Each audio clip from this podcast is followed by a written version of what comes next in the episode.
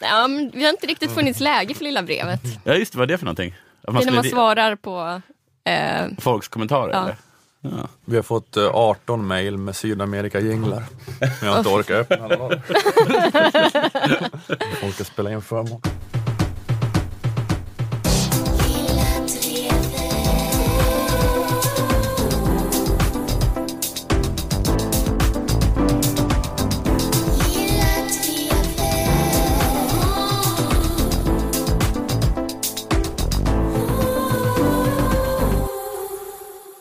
Det här är det 172 avsnittet av Lilla Drevet, en samtidskommenterande podcast för Aftonbladet Kultur som görs i samarbete med Akademikernas A-kassa och fackförbundet Jusek. Här i Malmö musikstudio finns jag, Ola Söderholm och Jonathan Unge och Nanna Johansson. Hej på er! hallå, Tjenare! Hej! Eh, var det vänliga rösten? No to self. Låt snäll idag. Titta folk i ögonen. Försök att inte. le. På Säg saker som, hur mår du? Hur har din dag varit? en dag ska jag kla- klara av att säga hej på ett så normalt sätt så att, det bara kan, så att vi bara kan fortsätta in i podden. Sen. Också förlåt för att vi hugger på det första ordet. Det är så att jag säger hej så ni säger ha ha ha, kolla på honom, han tror att han är en människa. Så himla söt. Åh, jättesöt. Eh, Den här veckan ska vi prata om, eh, du ska prata om ekonomipriset Jonathan Stämmer. och Nanna du ska prata om mitt i naturen utifrån någon Ja. vinkel. Ja. Okej, vi håller eh, tisen så kort. Ehm, jag tänkte inleda med att eh, prata lite om att eh, Aftonbladet publicerade igår måndag, det är tisdag kväll nu när vi spelar in. Eh, igår måndag så publicerade Aftonbladet en sån här uh, rage-bait-krönika. Mhm. Den här grejen då man tar en av de här som blev inlasade 1962 och därmed lider av det här handikappet gammal och låter dem skjuta lite från höften i en aktuell jättekänslig fråga. Den här gången var det 82-åriga Staffan Heimersson som skrev en krönika med rubriken Metoo, en häxjakt med drag av Stalins utrensningar. Han sparar inte på krutet. Man vet hur man skriver en rubrik. Har ni, har ni läst den här krönikan? Eller? Ja, jag läste den när du eh, eh, skickade länken. Ja, just det, precis. Det räckte inte för Jonathan. Men ehm, Jag ser det bara som skryt när du skickar ner länkar. Jaså, han har redan ett ämne med några, några timmars marginal till inspelning. Nej, men Heimersson skrev då att eh, metoo påminner, eh, först skrev han att det påminner om häxjakten i Salem, Mhm. eh, där på 1600-talet, att alla, alla vill vara offer. Sen jämför han det då även med Stalins utrensningar, att jämställdhetsvågen på samma vis som den kommunistiska revolutionen äter sina barn. Han refererar flera gånger till metoo-övergreppen som pojkars drullputteri, att uh, metoo saboterar det traditionellt sexiga spelet mellan män och kvinnor. Som han, Just som han det, då, som syster och doktor tog han som exempel. Va? Syster och doktor? Alltså Ja, som sjuksyster. att det är, så här, eh, att det är så sexigt. Jaha, sjuksyster och doktor. Okej, annars var han jättekonstig. Den har jag inte kollat på. Ja, men sånt traditionellt sexigt spel mellan Ja, män och ja. kvinnor som kan finnas på sjukhus, som man kanske också upplevde på 1970-talet på okej. Aftonbladet. att, eh, Men där var det man och kvinna. mm, och att den här nolltoleransen, särskilt mot den konstnärliga sektorns stjärnor, kommer göra Sverige till ett kulturellt kalhygge. Och han menar att prostitutionen kommer öka, för män kommer känna att betalsex är juridiskt säkrare än kärlek på kalas, dejtingsajter och arbetsplatsen. Han skriver citat, två generationer unga människor kommer i framtiden klandra oss för att de förlorat chansen till sexualitetens glädje. Slutcitat. Så det är alltså två generationer. Det känns tungt att man ska behöva se både sina barn och barnbarn i ögonen och förklara för dem varför man har förnekat dem Jag har hört det ta tre, sexualitetens glädje. jag har hört det ta tre generationer att komma ur ett trauma. Men hur tänker han att det kommer finnas kommande generationer om ingen ligger? Ja, just det. Det är faktiskt en logisk lucka här. Du är en av dem som hittat en lucka, en invändning mot den här Heimerson-texten. Nej men för det var ju då en krönika som, blir, som blev snabba kolhydrater för Ja. sociala medier. Att eh, vi kunde alla gå upp i det här raget i några timmar. Eh, gå upp i sånt härligt rage.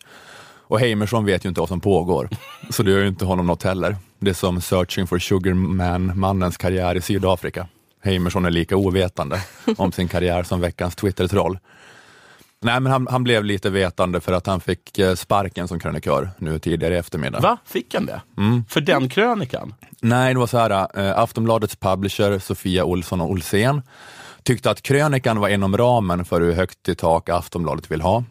Men när Heimerson svingade vidare i en intervju i Resumé om krönikan, där han sa eh, att alla kvinnor som mejlat honom efter krönikan skriver novellliknande skildringar av sina erfarenheter till honom. De verkar ha förläst sig på 50 shades of Grey och ser metoo som en förevändning att skriva sjaskig pornografi. Oj! Han säger också i samma intervju, om vi inte kan acceptera vad som ingår i normala personalfester där dyngraka grabbar vill sätta på växeltelefonisten, är vi inte en tillräckligt hårdhudad nation. Oj! Talla på växeltelefonisten för Sverige.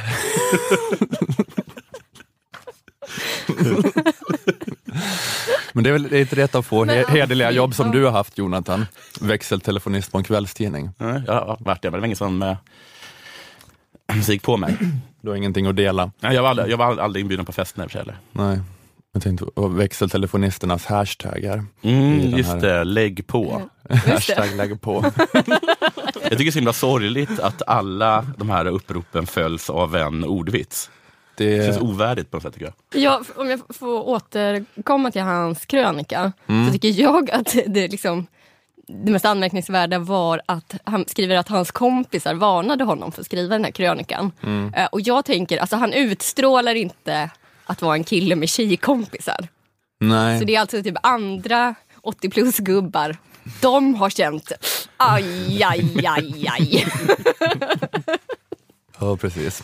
Jag har inte mycket koll på vad som pågår där ute just nu. Men jag kan ändå någonstans ana att det här inte kommer landa. Ja, men i alla fall då, det här äh, som Heimerson gav uttryck för i Resumé-intervjun var då enligt Olsson Olsén inte i linje med Aftonbladets grundvärderingar och han ska då inte få krönikera mer. Eh, Heimerson säger i Resumé att eh, citat, de exempel jag använde som metaforer i krönikan hade i en annan kultursfär renderat i att jag blivit inkallad till redaktören och fått höra att jag är för begåvad för det här jobbet. Fan vad han mår bra. Mm. Grundmurat självförtroende. ja, ja, precis. Vilken kultursfär var det? Hans fantasikultursfär. Det är jag, jag vet inte vad- det är för jobb han skulle ha istället då. Nej. Att du, du skriver för fyndigt för att vara krönikör. Eller du, så du skriver för, för spetsiga formuleringar och metaforer. Det är något annat. Så du borde bli, jag vet inte, Kung. kung. Du borde bli kirurg för att jag har ingen aning. Du är för begåvad för det här jobbet. Har du tänkt på att bli kirurg? Är det ens bli? Bara gå in och operera. Ja. Se vad som händer.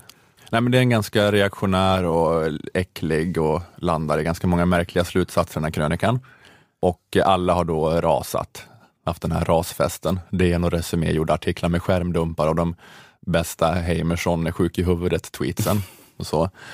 så alla pratade om det dåliga med den här krönikan, förståeligt, men ingen pratade om vad som var bra med den här krönikan. Men där kommer du in. Här kommer jag in. För jag tycker att vi måste våga göra det också. Mitt ibland allt förvirrat svamlande står det så här eh, om eh, fallet Björn Borg Mm, versus tidningen Z 1990. Att han skriver om det som ett intressant exempel här. Att, att tidningen Z hävdar att Björn Borg hade missbrukat kokain. Eh, Borg stämde tidningen för grovt förtal. Målet kom inte att gälla kokainmissbruk eller om tidningens uppgift var falsk. Eh, den fråga som tingsrätten har att besvara är om den undantagsregel i förtalsbestämmelsen som medför ansvarsfrihet, det vill säga om det med hänsyn till omständigheterna var försvarligt att lämna uppgift i saken. Nyckelmeningen är, är det med hänsyn till personens gärning försvarligt att utsätta honom, henne för andras missaktning? Yttrandefrihet innefattar visserligen en frihet att kritiskt granska politiker, offentliga befattningshavare, vetenskapsmän, artister och även kända idrottsmän. Den kritik som vederbörande måste tåla anses dock vara begränsad till vad som är relevant. Det ska gälla en kritisk granskning av den offentliga insats han gör.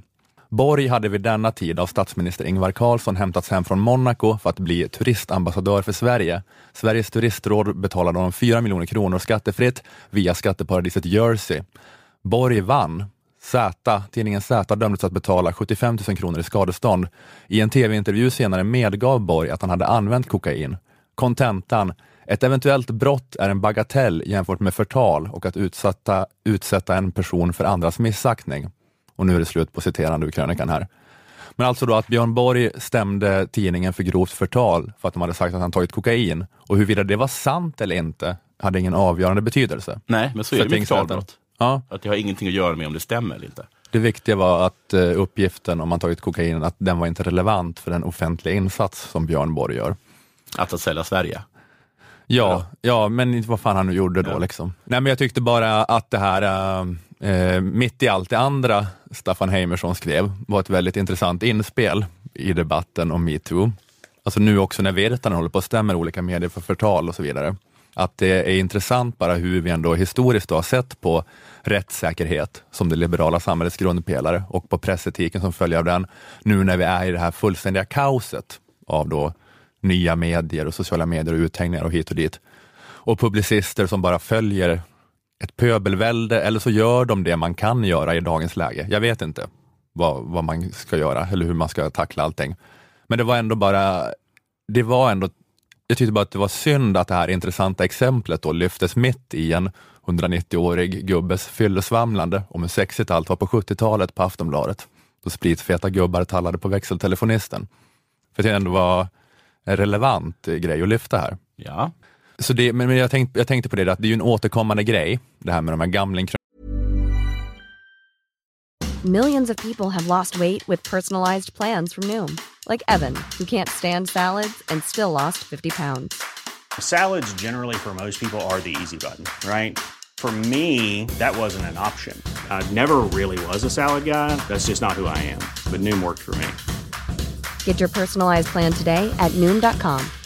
Real Noom user compensated to provide their story. In four weeks, the typical Noom user can expect to lose one to two pounds per week. Individual results may vary.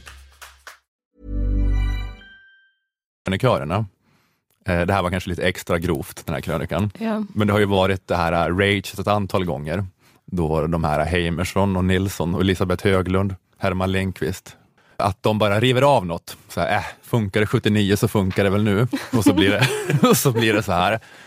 Men jag bara funderar på, jag vill inte liksom försvara Heimersson här, men jag bara, det här fallet kanske inte är det bästa exemplet, men jag bara undrar så här, lite principiellt, kanske är det så att vi måste börja läsa de här gamlingarnas krönikor som man läser Bibeln. Mm, att man får bara... Ja, man kan ju alltid göra den pubertala poängen att kolla det står här i fjärde Moseboken att om din granne arbetar på en söndag måste du stena honom. Om ditt barn är uppkäftigt måste du stena det. Om du har sex med en kvinna när hon har mens måste du stena henne efteråt. Fy fan vilken sjuk bok. Man kan ju alltid hålla på så och göra det caset. Men det finns ju också bergspredikan. Ja, I Bibeln. absolut. Men det finns ju också den där känslan av att, eh, att eh, de gamla krönikörerna ett, att de kanske inte förstår vad de inte får säga eller inte. Eh, två, att de inte bryr sig. Ja. Tre, att de är helt övertygade om att ingen kommer sparka dem nu. Jag är fan 83, det vore jättekonstigt om jag fick sparken nu. Så att eh, det finns någon sorts, eh, något positivt med att det finns några människor som uppenbarligen inte bryr sig eller har förstånd att bry sig om eh, vad de säger i en debatt. Jag tror jag tar ett exempel förr, men liksom dagen efter att min mor hade gått i pension så skrev hon en sån jävla hej, hej och hopp. Jag kommer inte exakt, alltså, exakt vad den handlar om. Din mamma Cecilia Hagen, Ja. som jag utelämnade ur den här uppräkningen Ja. tidigare, av respekt. Men jag, kommer kastar att att jag läste den artikeln och bara, ah, just det, hon har gått i pension. Eller liksom den, den Det finns inget mer att förlora. Nej, något sådär, Mm. whatever. Att de blir de sanna narrarna på något sätt. Ja. Som är, tänker- Eller så är det så att av barn, alkoholister och lite för gamla krönikörer får man veta sanningen. Nej, inte inte direkt sanningen. Du får veta exakt, du får veta exakt allt. sanning. Du får veta exakt allt och kanske 15 procent kommer vara sant. Alla tidningar, måste, alla tidningar måste ha ett barn, en alkis och en gammal person som krönikör. Helst gärna en Eller som kombination. en sån härlig panel Mm. och får svara på olika frågor. Relationsfrågor. Ja, men jag är bara rädd att, eh, att, den här, att, det här lite, att vi har lite puritanska klimatet vi har, som vi har nu, då, att man hellre letar efter fel än letar efter rätt. Eh, Och det gör att vi kanske kommer kasta ut barnet med badvattnet. Att historien, till exempel Bibeln och urgamla kvällstidningskrönikörer har keffa värderingar, saknar en analys på massa sätt. Eh, och därför måste... Känner du att du bottnade i keff? ja. eh, de har då eh, keffa värderingar i Bibeln och ur gamla kvällstidningskrönikor. Och, och därför måste de då... Du Eh, börjar rappa snart också. ja, men jag sa ju keffa värderingar för att jag gjorde en sån... Ja, du gjorde en- Jag skrattar åt Jag att gjorde du har en sån- kepsen på sned. Um, ja, ja, okej. Eh, Eh, de, eh, ja, precis, men att, eh, att det är massa då, dåliga värderingar. De saknar en analys i Bibeln och ur, ur gamla kvällstidningskrönikor, eller krönikörer gör det. Och, och därför måste de då rensas undan för att allt ska vara ideologiskt rentvättat enligt det rådande debattklimatet. Men den andra sidan av myntet är att det också finns då en visdom i historien. I till exempel kanske kristendomen och i urgamla kvällstidningskrönikörer att de mitt i all sexism och rasism också har en överblick över en större horisont av den mänskliga erfarenheten än eh, närsynta samtidsmänniskor. Ja, men bara att någon minns att tidningen Z fanns Ja. och att. Björn Borg blev anklagad för att ta kokain. Och den här spaningen också, förlåt om jag avbryter, Mm. att liksom, om det här nu är en revolution, vilket det faktiskt känns som, så är det några som bara påpekar att det liksom finns i revolutionens process dramaturgi eller dynamik, att den till slut går överstyr. Mm. Och det, är inte, att det behöver inte betyda att revolutionen är dålig, det är bara så det brukar gå. Jag tänker att en funktion för, för sådana som honom skulle kunna vara då att, att vara liksom ett arkiv mer än en åsiktsperson. Att, du, att, han, Han bo, att, han, att, han, att han borde redakteras starkare. Ja, men han, han, Någon han bara går in sitter i och pratar med honom. Han sitter, han sitter på någon Jag slags, skriver det eh, här. på någon slags kudde så kommer, så kommer yngre människor in och frågar så här, eh, berätta om förr. Eh, berätta om den här gamla tidningen som ingen minns. Mm. Och så berättar han. Eh, men sen när han börjar liksom, "Ja, nu ska jag berätta om eh, hur tjejer klär sig nu för tiden. Mm. Då säger man tack men nej tack. Ja, just det. Man tar bara med sig det här om att uh, förr fanns det något som heter rättssäkerhet och det kanske vi ska börja tänka på igen. Sen, sen så pratade i 90 minuter om legendariska personalfester. Han tallade på växeltelefonister.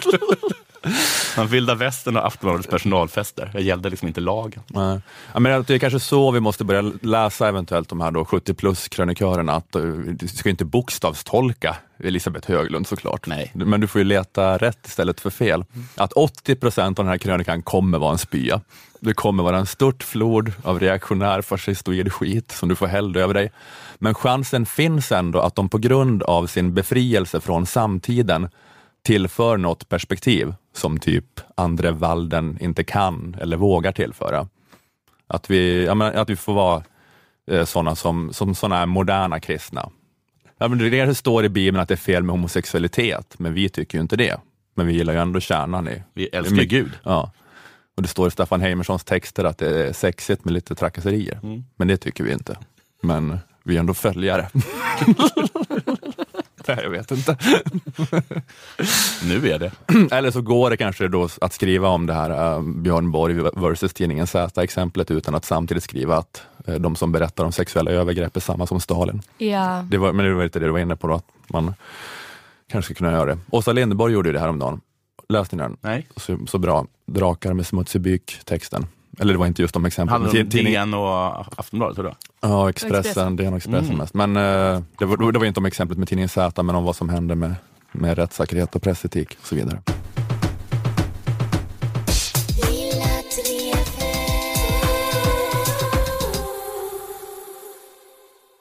Hörrni, eh, det är ju lätt att bli upprörd över de stora orättvisorna här i världen.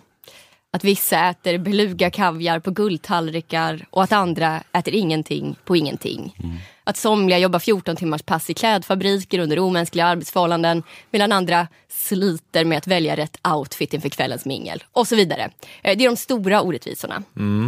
Men bara för att de finns så får vi inte glömma de små orättvisorna.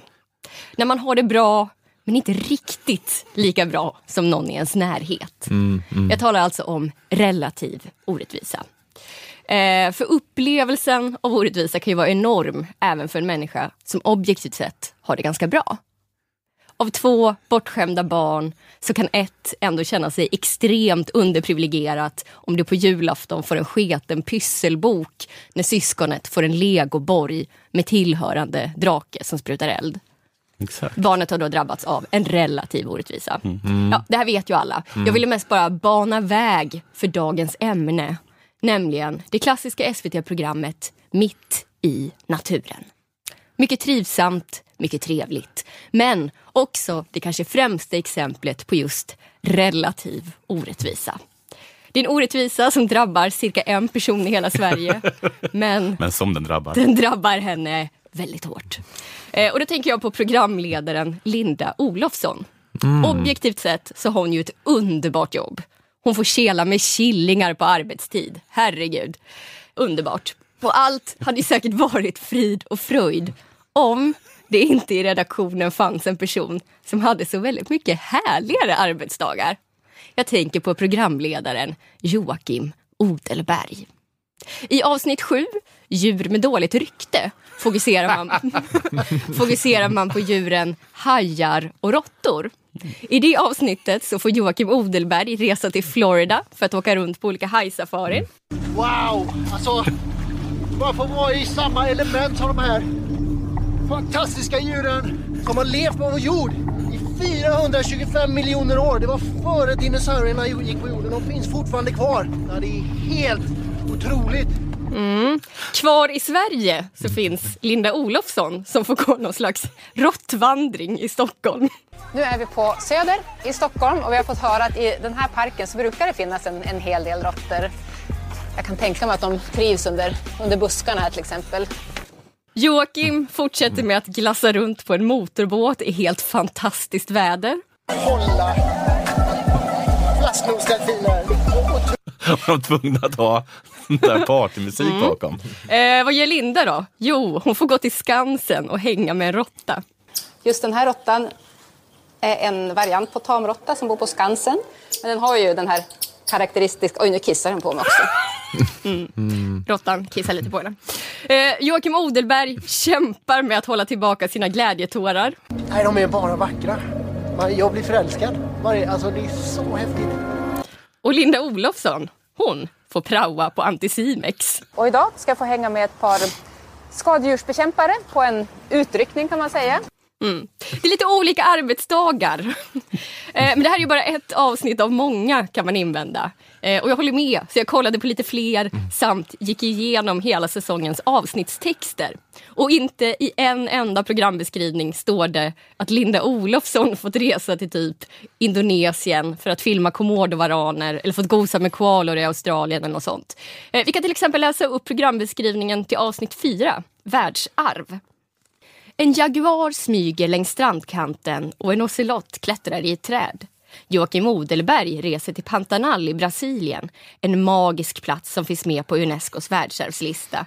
Här får han också närkontakt med både kaimaner och världens största gnagare, kapibaran.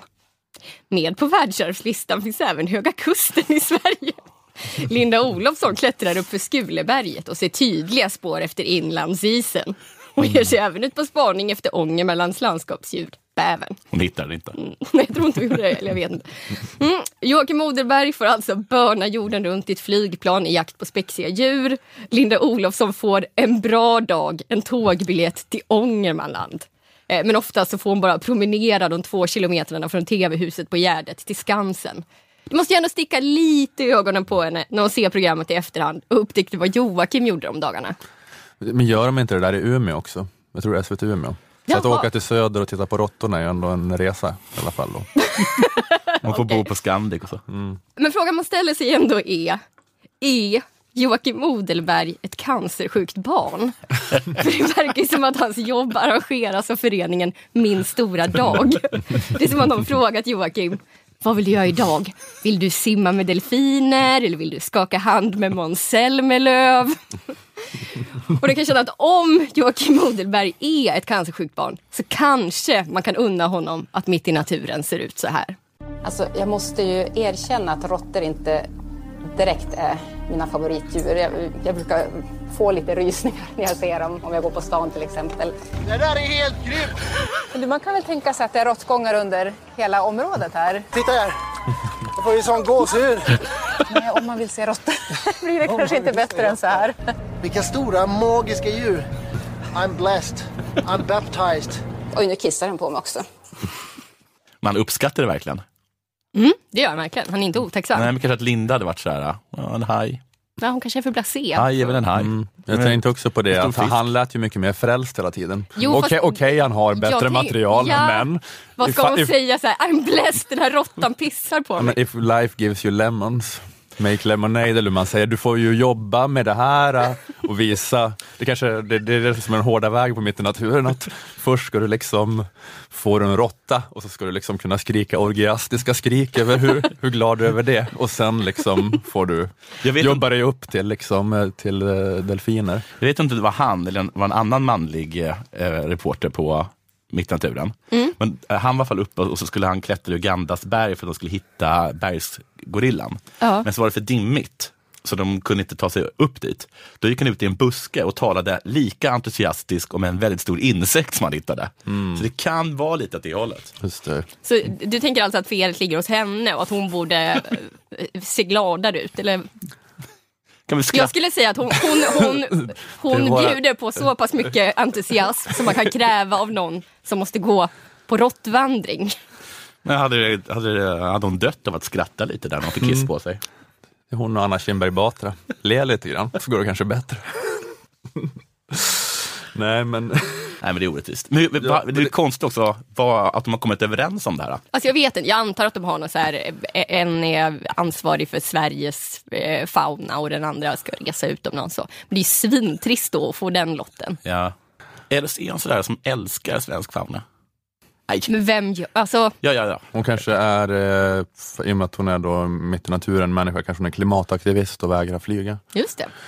Det skulle kunna vara Kan en det vara- förklaring. En annan skulle kunna vara kanske den här, den här misstanken om nepotism som alltid finns kring henne. För att hon då är Sverker Olofsson eh, plus eh, dotter. Så att hon okej. kanske tänker, kan jag, jag, jobb." jag kan inte åka till Florida, det kommer se så illa ut. Liksom. Jag måste bara gå ut här i, i trädgården och försöka rafsa fram en skalbagge.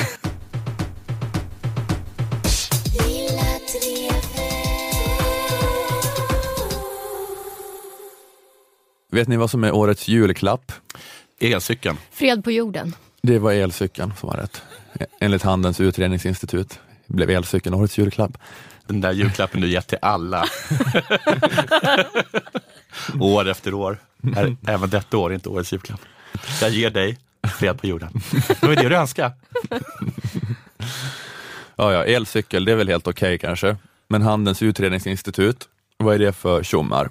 Vilka har gett dem tolkningsföreträde? De är ju självutnämnda experter bara på vad som är årets julklapp. Och alla inom svensk media bara köper det, de dumma fåren. Jag kungör härmed att årets julklapp är medlemskap i Akademikernas a-kassa Snyggt. som självutnämnd expert. Man kan ge bort ett par månaders medlemskap i julklapp. Kan man göra det? Det är en ny grej de har. Skicka ett mail till podd.aea.se podd aea.se så kommer Akademikernas a-kassa hjälpa dig, hjälpa dig att styra upp så att eh, du får ge bort eh, julklappen oändlig trygghet till någon speciell. Kan man göra det som en liten pik? Att man gör det för, skriver upp Ivar Arpi kanske? Något sånt där, som kanske inte är jätteför fackförbund. Du menar att man ska Ja, man busar. busansluta någon? Ja, just det. Eh, medlemskap i Akademikernas kostar annars bara 100 kronor i månaden och det ger dig upp till 20 000 i månaden om du skulle hamna mellan jobb. Akademikernas a-kassa är för alla er som är eller är på väg att bli akademiker. Läs mer på akademikernas.se om hur du gör för att gå med, om hur stor ersättning just du skulle få vid arbetslöshet och om varför det kan vara en bra idé att gå med redan under studietiden. Och Lilla Drevet sponsras ju också av fackförbundet Jusek. Eh, fackförbundet för dig som är eller är på väg att bli jurist, ekonom, systemvetare, personalvetare, kommunikatör eller samhällsvetare. Är vi inte alla det egentligen? På väg att bli det på något sätt. Ja, Man tänker rent filosofiskt. jo, exakt. Vi rör oss alla i den riktningen, sen kanske inte alla kommer fram. Facket stöttar dig på alla möjliga vis i arbetsrättsliga frågor och karriärfrågor, men det mest iögonfallande skälet att, att gå med är kanske då Juseks inkomstförsäkring som ger dig 80 procent av lönen upp till 80 000 kronor. Eh, Så att ni klarar amorteringarna och inte behöver tvinga barnen att sluta med alla fritidsaktiviteter och så, om ni skulle bli av med jobbet. Att gå med i Akademikernas och Ljuset kostar 351 kronor sammanlagt. Är du alltså redan Akademikernas medlem lägger du bara till 251 kronor för att också få vara med i facket. Jusek har nu också den andra fasen i sin kampanj Vi vet, som handlar om att det är facket som har den relevanta kunskapen om ditt yrkesliv. På Juseks Youtube-kanal Jusek TV kan man surfa in, surfa runt i några timmar och se på filmer som driver med olika typer av hittepåkunskaper som florerar i kursverksamheter där livscoacher och inspiratörer tar allt större plats. Men att det då är facket som har den relevanta kunskapen om ditt yrkesliv, inte en livscoach som hjälper dig att hitta ditt inre barn. Eller tänka utanför lådan. Eller släppa sargen. Eller be dig hålla hårt i sargen. Eller vad det är man ska göra. Eh, Går in på Juseks kampanjsida jusek.se vi vet. Eh, finns också ett fantastiskt erbjudande för er som väljer att bli medlemmar nu. Vi säger inte vad det är, ni måste gå in och kolla. Tack till Akademikernas och Jusek. Tack så mycket. Tack, tack. Den här kampanjen Släpp absolut inte sargen. Den gillar jag. Jag tror faktiskt det är ganska smart.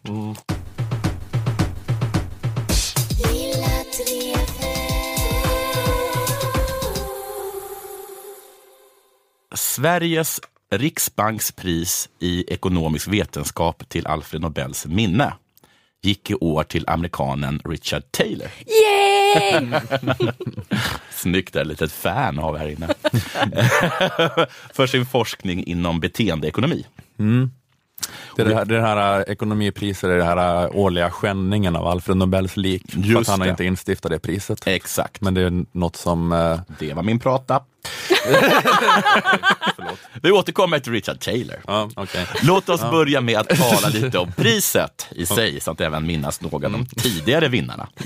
Det instiftades 1968 i samband med Riksbankens 300-årsjubileum och har då och då varit kritiserat, bland annat för att det inte, inte anses vara vetenskapligt nog. Det är ju den enda samhällsvetenskapliga kategorin. Mm. Senast var det Alfred Nobels brors barns barn, Peter Nobel, som hävdade att Alfred Nobel förmodligen inte skulle givit sitt samtycke till ett pris till nationalekonomer eftersom han ogillade ekonomer. Hävdar då Peter att Alfred tyckte. Och redan 1993 så gick eh, Kjell-Olof Fält ut och eh, förordade att priset borde avskaffas i brist på kompetenta kandidater. De flesta var redan avverkade, menade han. Året därefter blev han Riksbankens fullmäktige eh, och eh, ordförande och tog då tillbaka sitt utspel. Och Det var väl bra att han gjorde det, för hör bara här på det lilla axplock av giganter och deras upptäckter. 1975 delade en ryss och en amerikan på priset som de fick för deras bidrag till teorin för optimal resursanvändning. Hur bra är inte det? Ja, det är väl den bästa typen av resursanvändning. Ja, det är- den, den, opti, den optimala. Ja, och de hittade den. Det är så superduper bra. Nu är det inget mer waste. 1978 får amerikanen Herbert Simon priset för hans banbrytande forskning om beslutsprocessen inom ekonomiska organisationer. Tidigare hade man trott en sak om dessa processer och nu tack vare Simon trodde man något helt annat. 1984 får britten Richard Stone priset för att ha gjort banbrytande insatser vid utvecklandet av system för nationalräkenskaper och därigenom radikalt förbättrat underlaget för empirisk ekonomisk analys. Tack vare Stone kunde man nu äntligen forska om ekonomi, något som alltså belönades 15 år efter att man infört priset. Tidigare kunde man egentligen inte det. Men så kom Richard Stone och styrde upp det där. Nu är det en vetenskap. 1993 får två amerikaner priset för att ha förnyat ekonomisk-historiska forskningen genom att använda ekonomisk teori och kvantitativa metoder för att förklara ekonomiska och institutionella förändringar. Nu, äntligen, 24 år efter att det första priset delades ut, kunde man faktiskt forska om ekonomisk historia. Om ändå Marx hade vetat om det. 2002 delades eh, priset mellan två amerikaner, fast för två olika saker, vilket är konstigt. För att ha infört insikter från psykologisk forskning ekonomisk vetenskap, särskilt beträffande bedömningar och beslut under osäkerhet. Mhm. Okej, Mm. Man tog alltså in människan i ekonomiforskningen om man inte hade gjort tidigare. just det. Och för att ha gjort laboratorieexperiment till verktyg i empirisk ekonomisk analys, särskilt i studier av olika marknadsmekanismer. Nu, äntligen, 33 år efter att priset införts, kunde man alltså forska om ekonomi. Så de som säger att man inte kan forska vetenskapligt om ekonomi, hur kommer det sig då att nästan alla ekonomipris går till olika sätt att forska inom ekonomipris? Det är som OS-guldet i höjdhopp gick till någon sorts rysk teoretiker. Just det. Det var ändå han som kom på det. Hur som helst. Eh, I år är det alltså Richard Taylor som får priset. Och som ni säkert vet så är det här med ekonomiforskning jättekomplicerat. Och därför har eh, Stockholms universitet varit schysst och lagt upp denna text på sin hemsida. Följande forskare vid Stockholms universitet kan kommentera och förklara årets ekonomipris till Alfred Nobels minne. Då kan man ringa Ingvild eh, Almås, eller Anna Sandberg, eller Anders Stenkrona, Robert Östling, Anna Hederos, Jenny Säve Söderberg eller en annan tjej som har ett efternamn som jag inte kan uttala. Så att man kan ringa dem, så att man kan få det förklarat för sig själv. Eller så låter vi Richard själv göra det. At some level, everything I've written about was obvious to my grandmother. And, uh, you know, the idea that you could earn a living with these ideas, much less win a Nobel Prize, is a bit preposterous. Det är skitlätt och det är så självklart att han skäms för det. Han har inte kommit på någonting som ingen redan visste. Men han har skrivit ner det. Han borde ge priset till sin gamla mormor. Hon har inte kommit på det. Hon visste, Ja, hon visste ju lika om bra. det, men okej. Hon är säkert död. Bortkastade pengar. Kasta 10 miljoner på ett lik. Ja, gräv upp henne, begrav henne igen med 10 miljoner. Som riktigt stor pengasäck. Och för lite mer exakt eh, vad han har kommit fram till så är det detta. som har fört in psykologin i ekonomin genom att peka på att vi människor faktiskt inte alls fungerar så där rationellt som är utgångspunkten i nationalekonomin. Det var skrämmande nyheter för mig. Att de baserar nationalekonomin på att människor är, ehm, vad sa de? Rationell. Rationella. Ja, Det är så himla konstigt just också att en, en, liksom en samvetenskaplig, eh, ett samvetenskapligt ämne utgår från att människor är rationella. När folk som brukar tala om lagar och sådana saker så brukar det ha- handla liksom om naturvetenskapliga ämnen. Men det här som är ett sånt himla, alltså så självklart bara tolkningsämne, att de har utgått ifrån att vi är rationella. Att det är basen som de har dragit alla sina te- teorier ifrån. Det är ju, det är ju undra på att det, att det inte funkar med, eh, med, eh, med marknadsekonomi. ja, men det är väl det som är det stora problemet. Kom de på det nu? Himla sjukt tycker jag. Hur som helst, vi har fått jättemycket kritik det här. Det, här eh, eh, det har varit många liksom, eh, som brukar kritisera nästan varenda år. De brukar ta upp en grej om att de som fick det 1997, ekonomiprofessorerna Scholes och Merton, de fick priset för sin matematiska modell för finansmarknaden, Black Scholes. Och eh, Redan året därpå så gjorde de en miljardkrasch med sitt fondbolag Long Term Capital Management när de försökte omsätta sin teori i praktiken. Då. Ja. Så det funkar liksom inte. Men vad de försökt, de som försvarar Nobelpriset i ekonomi, är exakt så det heter, det är just för att det är liksom ett eh, en samhällsvetenskapligt pris. Att det liksom tillåts. Men att problemet är att journalisterna eh, och kanske väldigt många politiker på sätt tror att det är naturvetenskapligt eftersom att det, de associeras med de här fina priserna i kemi och fysik och sådana saker. Eh, Och att många då nationalekonomer också haft den självbilden. De ser ju sig själva som att de står högt över någon jävla sociolog eller samhällsvetare. Ja, I, i, de har ju att det är så rationellt. Och, De har ju själva trott att de är på något sätt naturvetenskaplig eh, kategori, men det är de ju inte. Utan det är, liksom, det är gissningar det här. Liksom totala, totala gissningar. Om att, att, de liksom borde, att journalisterna borde liksom påpeka det mycket, mycket mer än vad som görs.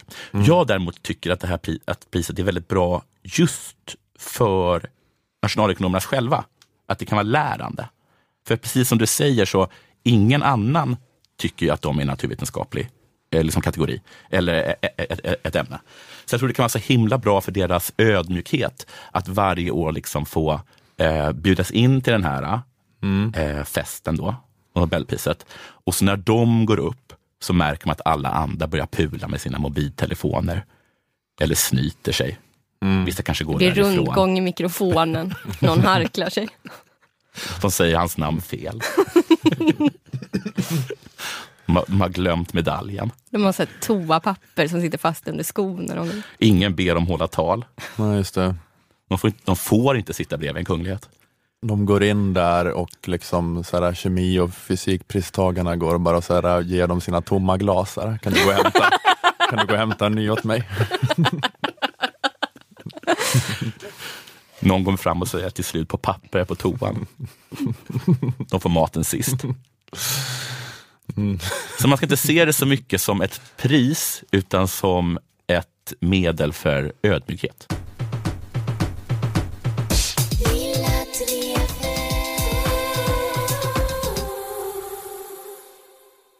Karin Lennmor mor till Len och även Expressens hovreporter. Eh, Hon har skrivit en Vilken krönika. formuleringsglädje. Hon har skrivit en krönika eh, om att kungen borde pensionera sig och lämna över kronan till Victoria. Eh, hon beskriver oerhört gamla och gaggiga de nordiska kungligheterna börjar bli med krämpor och allt och driver caset att de borde lämna plats till sina barn. Lenmor skriver Frågan är ju, borde det inte finnas en pensionsålder även för kungligheter? För både deras egen skull och för oss undersåtars. Det behövs friska fläktar och unga människors idéer i monarkierna.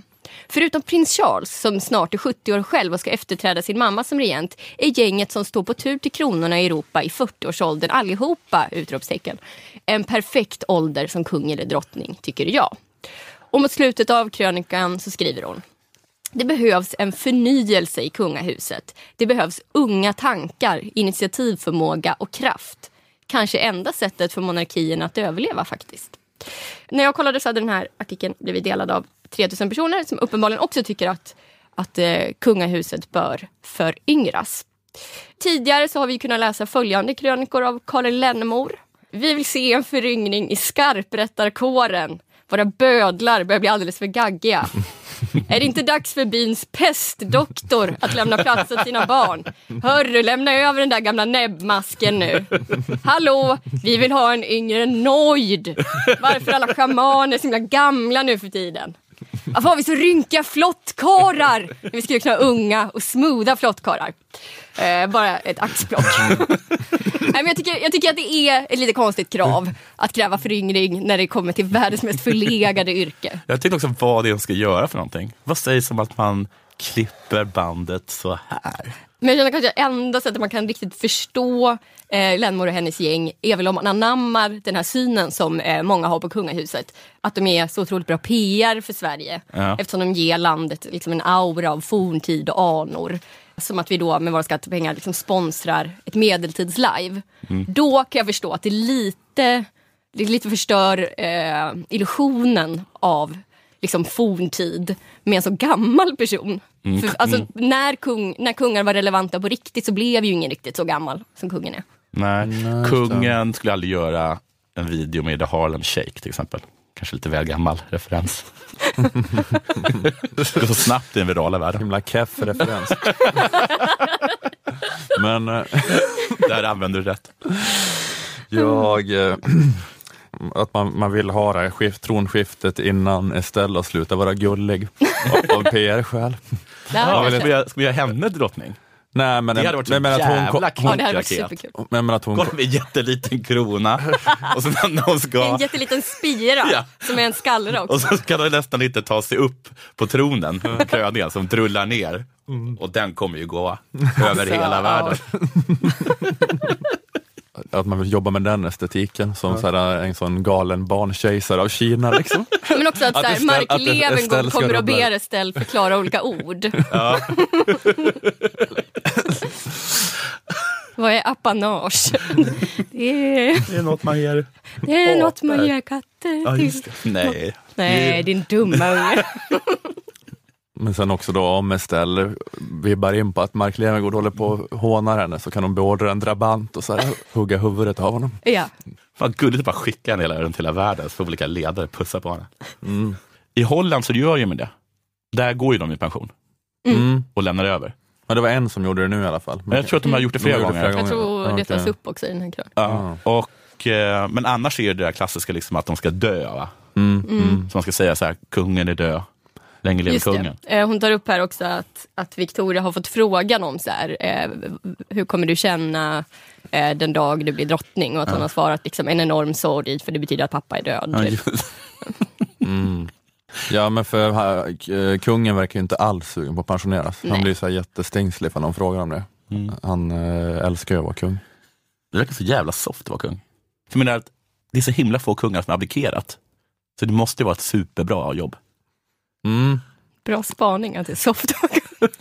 Ja, Men, men, de, men, de men, gnäller alltid jag över att det är så himla... Ja, det finns ju den här, den här, den här liksom liberala syn, eh, argumentet för att det är helt sinnessjukt att vi har ett kungahus. För att vi, liksom, vi föder upp ett gäng människor i en gyllene bur och bestämmer liksom hela deras liv.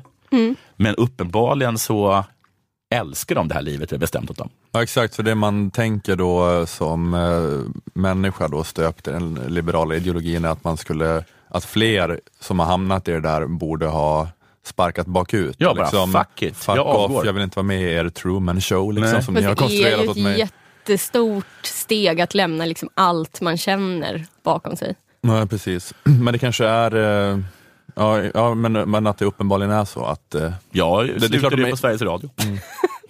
de är indoktrinerade i det. Men det kanske är ett argument för det här som man pratar om med eh, den här då liksom meningslösheten i den här eh, moderna moderniteten. Att, att det är ett argument för de här mer traditionella samhällena. Att eh, man vet sin roll och vet sin plats Ja. och man har en mer så här ontologisk trygghet som det heter. Och att de enda som har det nu är kungafamiljen. Ja, och de mår toppen. De mår skitbra.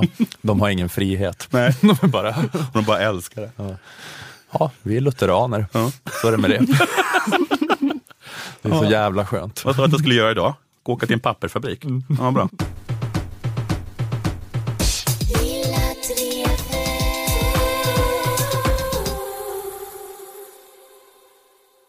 Okej, men då säger vi bara eh, tack för den här veckan. Tack Aftonbladet Kultur, Akademikernas A-kassa och fackförbundet Jusek. Tack till Malmö musikstudio där vi spelade in. Jag heter Ola Söderholm, ni heter Nanna Johansson och Jonathan Unge. Hej då! Hej hej! Bra. Lilla